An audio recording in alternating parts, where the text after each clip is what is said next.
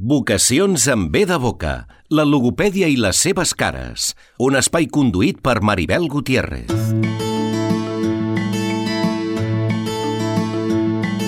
Molt bon dia, migdia, tarda, vespre o nit, sigui quin sigui el moment del dia en què ens estigueu escoltant. Benvinguts a Ràdio Silenci, el podcast que estem dedicant aquesta temporada al món de la logopèdia. Avui tenim el plaer de tenir amb nosaltres la Cristina Pérez. La Cristina és logopeda de la Garriga, on també treballa, al seu centre Cristina Logopèdia i Psicologia, i ja ens va acompanyar en el primer espai que varen fer per presentar el projecte de podcast, que podeu escoltar entrant al web de Ràdio Silenci. La Cristina és aquí amb nosaltres per parlar-nos de deglució, concretament de la deglució atípica o disfuncional. Cristina, molt benvinguda de nou a Ràdio Silenci, com estàs? Hola, estic molt bé, encantada de tornar a estar aquí amb vosaltres i donar a conèixer un altre paper del logopeda, eh? una de les nostres tasques. Com sempre demano, qui és la Cristina Pérez? No ho demano sempre qui és la Cristina Pérez, et demano qui, que diguis qui ets tu. doncs jo sóc logopeda. Uh, vaig acabar els estudis universitaris deu fer uns 20 anys i per sort m'he pogut dedicar a aquesta professió des, del, des de sempre, des, del, des de que vaig acabar. He treballat en diferents àmbits, en l'atenció precoç, en escoles públiques, centres privats, i ara principalment estic al despatx privat que tinc aquí a la Garriga. Amb mi col·laboren tres logopedes més, també contem amb una psicòloga, i tinc la sort d'estar també a una escola pública, on detecto més les dificultats estomatognàtiques i llavors és quan puc fer les derivacions a otorrinos, odontòlegs, pediatres.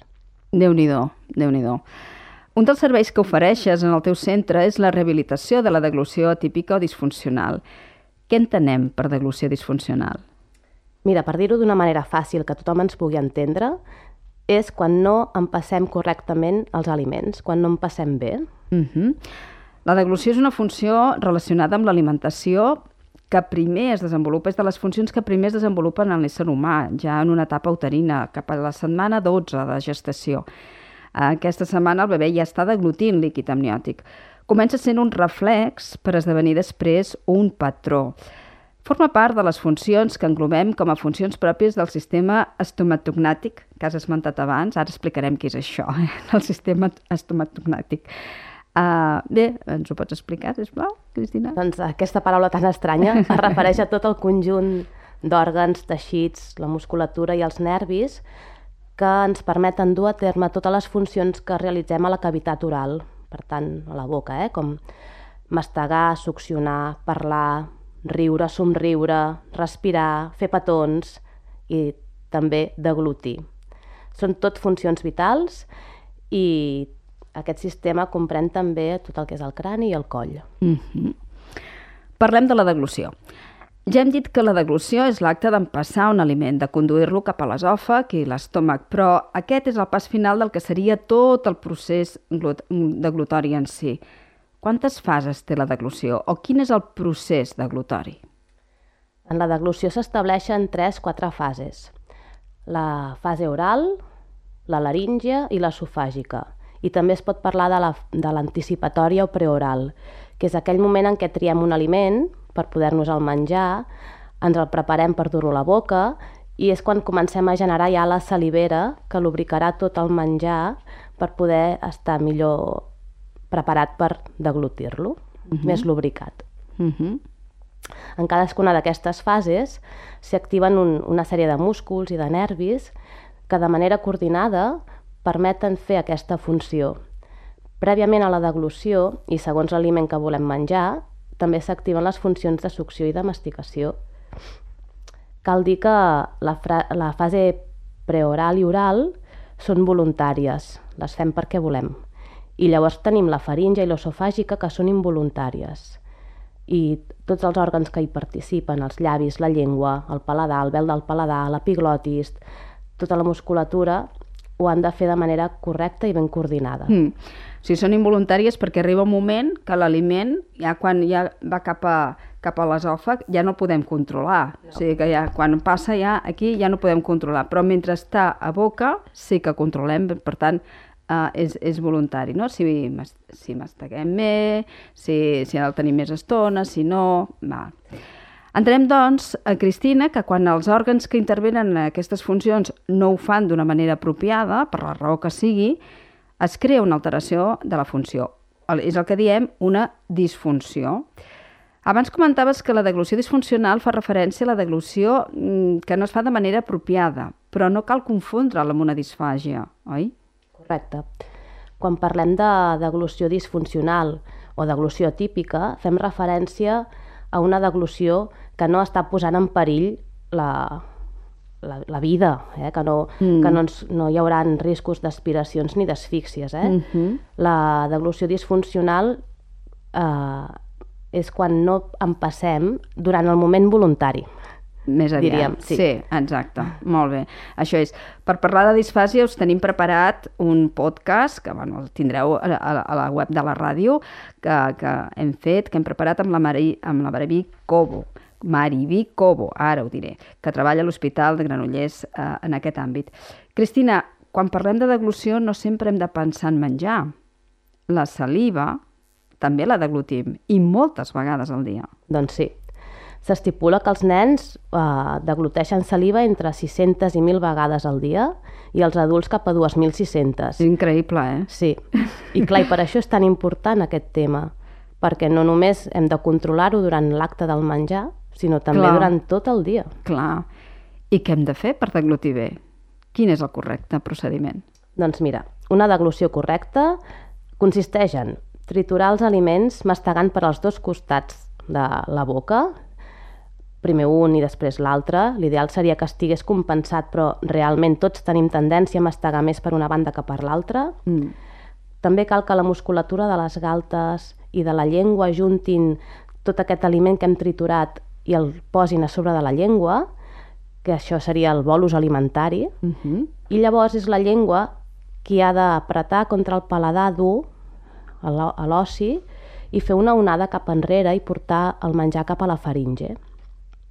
Per tot això cal que la llengua recolzi des de les arrugues palatines, que són aquests bunyets que tenim darrere les dents de dalt, allà on te diem la N, i després facin una onada cap endarrere, amb els, amb els llavis tancats sense apretar, que estiguin relaxats, i no fer una força exagerada i per empènyer. Mm -hmm. Quin procés! i, i el fem sense adonar-nos-en. Sí. Eh? Quin, quina habilitat, quina habilitat que hem de tenir, i que tenim, perquè que tenim. Quan no es fa així, doncs, parlem de deglució atípica o disfuncional. És això, no? Sí, és això. Si la llengua, en comptes de recolzar-se a les arrugues palatines, ho fa contra les dents, de dalt o de baix o, o, o entre les dents, es crea una força que aconsegueix que es deformi la, la mossegada, es creen obertures, eh? hi ha un mal tancament, hi ha mossegades obertes o mossegades creuades a conseqüència d'anar empassant durant tot el dia mm. de manera incorrecta. Sí, es, es deformen, no? L'arcada la, la, dentària queda com deformada, com més oberta. Sí. Mm -hmm. Una funció molt vinculada a la deglució disfuncional és la respiració. En ocasions, una incorrecta respiració és la causant d'una incorrecta deglució. Cristina, quina relació hi ha entre aquestes dues funcions? Entre respiració i, i uh, deglució disfuncional? Ens trobem sovint que les persones amb deglució disfuncional són persones que respiren per la boca. I aquestes constants inspiracions per la boca fan que la llengua s'acomodi a baix, a la base de la boca. Tenen una llengua baixa i el paladar es va quedant cada vegada més estret i més profund. Llavors, quan la llengua és baixa, té més tendència a sortir de la boca. Mm -hmm. I empenya aquestes dents, això que sí. deies abans, oi? A què es deu que una persona respiri o inspiri constantment per la boca? La manera fisiològica és la nasal. Sí. A què, a què ho podem atribuir? Un dels motius principals és precisament perquè el nas estigui obstruït per uh -huh. excés de mucositat, per carnots, cornets eh, alterats. Eh, la persona ha de respirar d'alguna manera i, i per no ofegar-se l'alternativa doncs, és fer-ho per la boca. Uh -huh. Un altre motiu podria ser la presència d'un frenet sublingual molt, molt limitat, eh, un tel lingual curt, que impedeixi que la llengua faci els moviments correctes i això fa també que estigui sempre en posició baixa. O unes amígdales molt grans que tiren la llengua endavant i la van empenyent. Uh -huh. Uh -huh. La respiració també pot ser oral a causa d'algun mal hàbit, eh? Hi ha gent que no té cap disfunció orgànica i respira per la boca. Com podria ser, doncs, això? Doncs perquè hi ha nanos que passen refredats molt llargs i tenen el nas tapat durant tot l'hivern, per exemple, hores a l'escola sense mocar-se i com que tampoc se saben mocar, eh, quan es curen i ja tindrien una correcta respiració nasal, ha quedat el mal hàbit, el mal hàbit persisteix i continuen respirant per la boca. Aquí també caldria que des de casa, sobretot, no, se'ls ensenyés a, a mocar. Ja. Jo n'he d'ensenyar molts, eh, a mocar-se, abans d'iniciar un tractament, clar. És que és, però no és, en saben. Clar. No, i és, és molt important, no?, començar a treballar amb el nas totalment lliure de mocs. Sí. Si no, és impossible. Sí, de fet és el primer exercici que fem, Que fem. abans de cada sessió, mocar-nos. Molt bé. Com ens arriba un pacient amb deglució disfuncional? Vull dir, normalment el deriva un altre professional. Sí, a la Garriga tenim la sort de que hi ha les logopedes municipals que treballen a les escoles i poden detectar-les. Sovint en els rastrejos que fan ja en els nens d'infantil eh, poden veure a nanos amb dificultats d'aquest tipus, sobretot perquè s'associen a, a una alteració de, de l'articulació del so de la S. Uh -huh. Quan veuen que no millora amb tractament logopèdic dins de l'aula, dins l'escola, el sigmatisme és perquè hi ha una deglució disfuncional sovint. Uh -huh. Sí, és quan és aquells nens que interposen la llengua entre les dents i en comptes de sortir una S són una Z. Sí, els papissós. També ens arriben nens i adults que venen derivats per als dentistes, eh, per odontòlegs. No sempre arriben quan cal. Sovint ja són nanos que porten ortodòncia des de fa molt de temps i no se'ls tanca la mossegada quan, quan tocaria. Llavors és quan salten les alarmes i resulta que tot era causa de la deglució. I rarament són les famílies les que detecten una deglució disfuncional. No estan ben informades, els pediatres no miren la boca i potser sí que han detectat algun signe com que no diu bé la S o que comet sons, en, en, uh, sons alterats de, en la R, la R múltiple, i llavors quan fem la recollida de dades perquè venen per un tema més articulatori, veiem que hi ha moltes cosetes que indiquen aquesta deglució disfuncional, com, no sé, que menja molt a poc a poc, que en passen sense mastegar, que els aliments se'ls hi fan una bola, que deixen el coixí una mica moll quan dormen, fan soroll quan en passen, que a la boca sempre els hi queden restes de menjar, que quan parlen hi ha molta saliva i queda la parla imprecisa, poc clara, hi ha nanos que han utilitzat durant molt de temps el xumet i tot això també ha afavorit que la deglució sigui atípica. Ja. I, I com sempre, l'ésser humà és una gran maquinària que necessita que totes aquestes peces, no, que dèiem abans, es coordinin de la millor manera possible per funcionar bé. I com sempre passa, o passa molt sovint, els logopedes no treballem de manera aïllada. No, sobretot treballem amb, amb els odontòlegs perquè necessitem que la boca estigui ben, ben posicionada, que totes les peces estiguin correctes i amb la intervenció de l'odontòleg és imprescindible. Eh? Quan tenim una mossegada oberta, creuada o hi ha un prognatisme. Llavors, aquesta malformació es corregeix amb ortodòncia i també ara hi ha el tracta, uh, tractaments alternatius que són molt efectius, com la dentosofia, la teràpia neural, que són més holístics, i llavors amb aquests tractaments la cavitat oral va guanyant l'espai que necessita per poder fer la funció correctament, per poder passar correctament. Mm. És a dir, els logopedes treballem la funció i els odontòlegs i ortodoncistes ens ajuden amb la correcció de l'anatomia. Nosaltres no podem intervenir en l'anatomia, sinó que rectifiquem la funció, però necessitem que anatòmicament les peces estiguin... Uh, anem tots, tots a la una, Sí. no? Què passa en aquells casos en què només s'opta per la via ortodòncia, ortodòncica i no es treballa la funció, Cristina?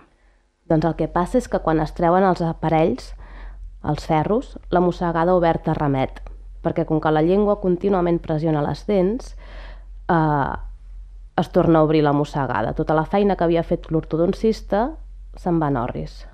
Mm. Llavors, pensa que jo crec que durant l'any passat vaig rebre més de 15 joves i fins i tot adults que havien vingut per una deglució disfuncional que no havia estat detectada i en el moment de treure l'ortodòncia s'ha tornat a desencaixar totes Clar. les peces.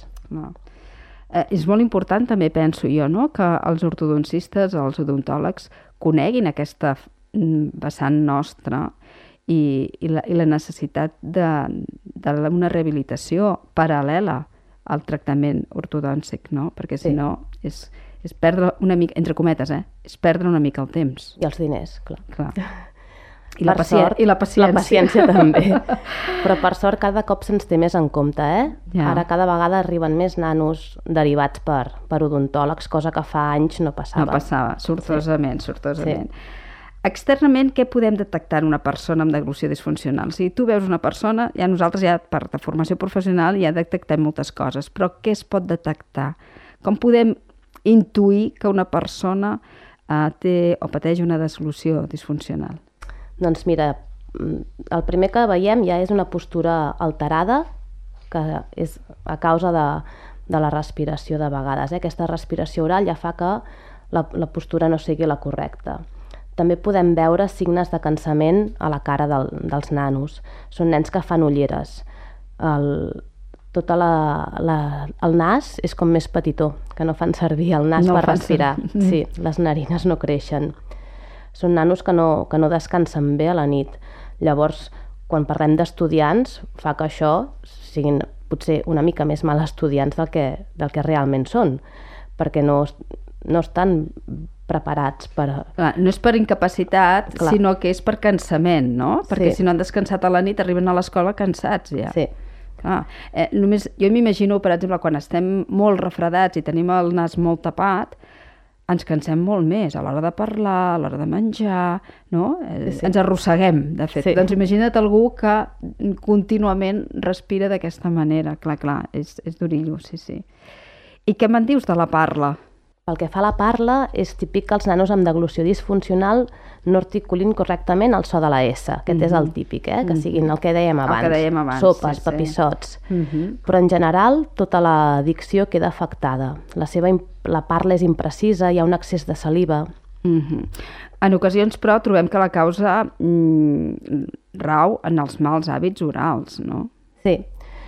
Un abús del xumet o del biberó, més enllà dels 18 mesos, per exemple, onicofàgia, que és el fet, la gent que es mossega les ungles, la quiliofàgia, que es mosseguen els llavis, eh, nanos, o, bueno, adults, que, que s'exxusclen els llavis, la llengua o les galtes, gent que, que ha tingut el dit eh, dins la boca durant molt temps. Mm. Són aspectes que s'han de tenir en compte. Mm.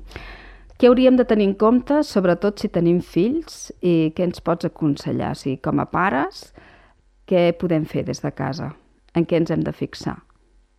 El, mira, el més important és tindre una, bo una bona alimentació, eh? que ja des de ben petits influencia en tot el desenvolupament dels òrgans de l'aparell oral, ja que és gràcies als aliments que tot es tonifica, eh? que tot s'exercita. Aconsello que sempre que es pugui es faci lactància materna.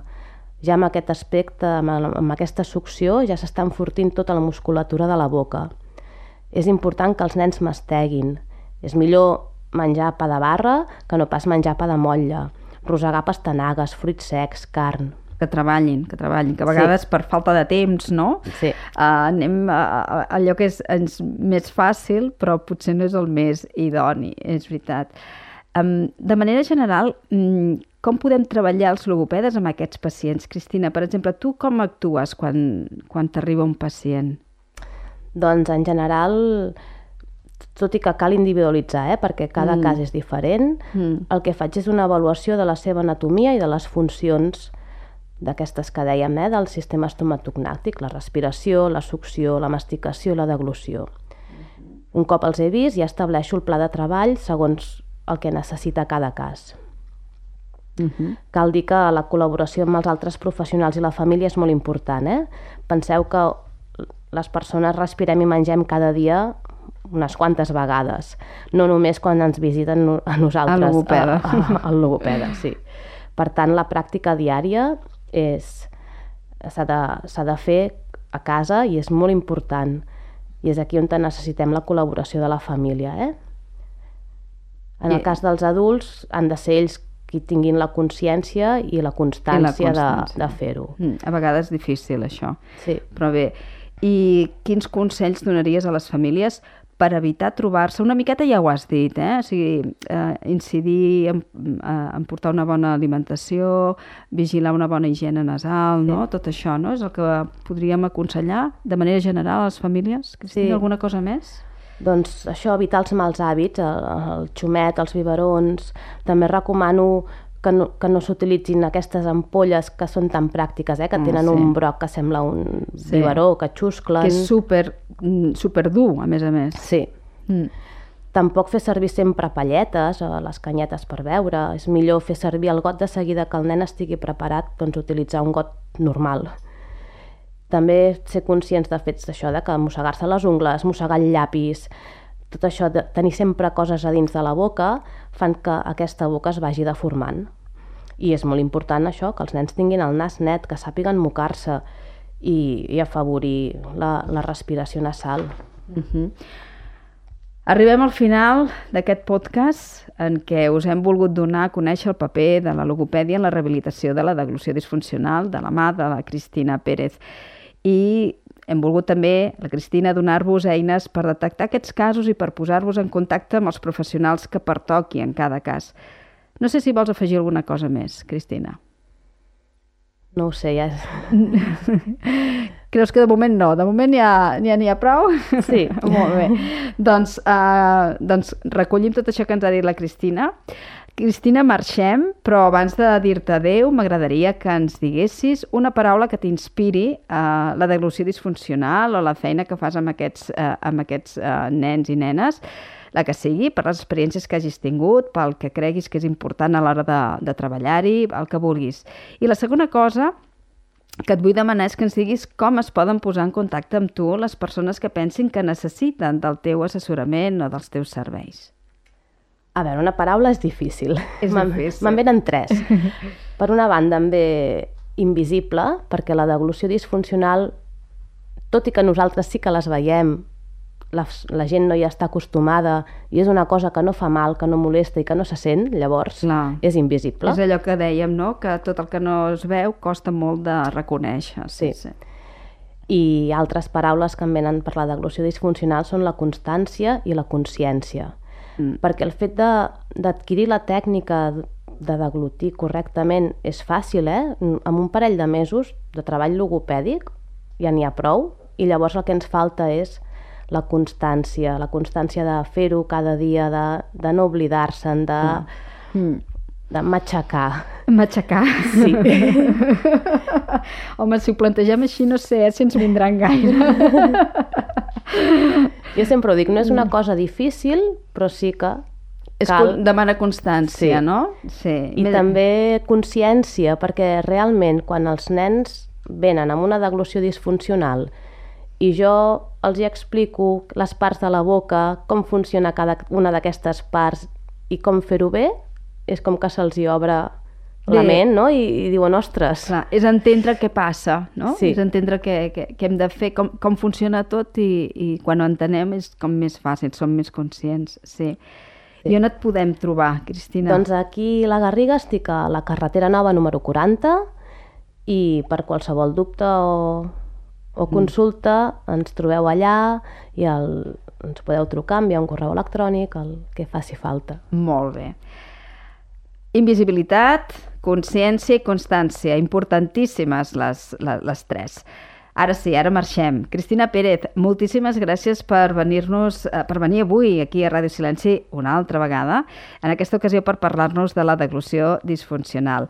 La Cristina ja us ho ha dit, eh? és la directora del Centre Cristina Logopèdia i Psicologia situat a la carretera nova número 40 de la Garriga, on podreu trobar altres serveis com atenció en casos de trastorns de comunicació, llenguatge i psicologia. Un plaer, Cristina, ja ho saps, torna quan vulguis. Moltíssimes gràcies. I a tots els que ens heu acompanyat avui, podcast, i que ens acompanyeu podcast rere podcast, un dia més, moltíssimes gràcies per ser-hi. Ens veiem, ens escoltem a la propera. Cuideu-vos, adeu.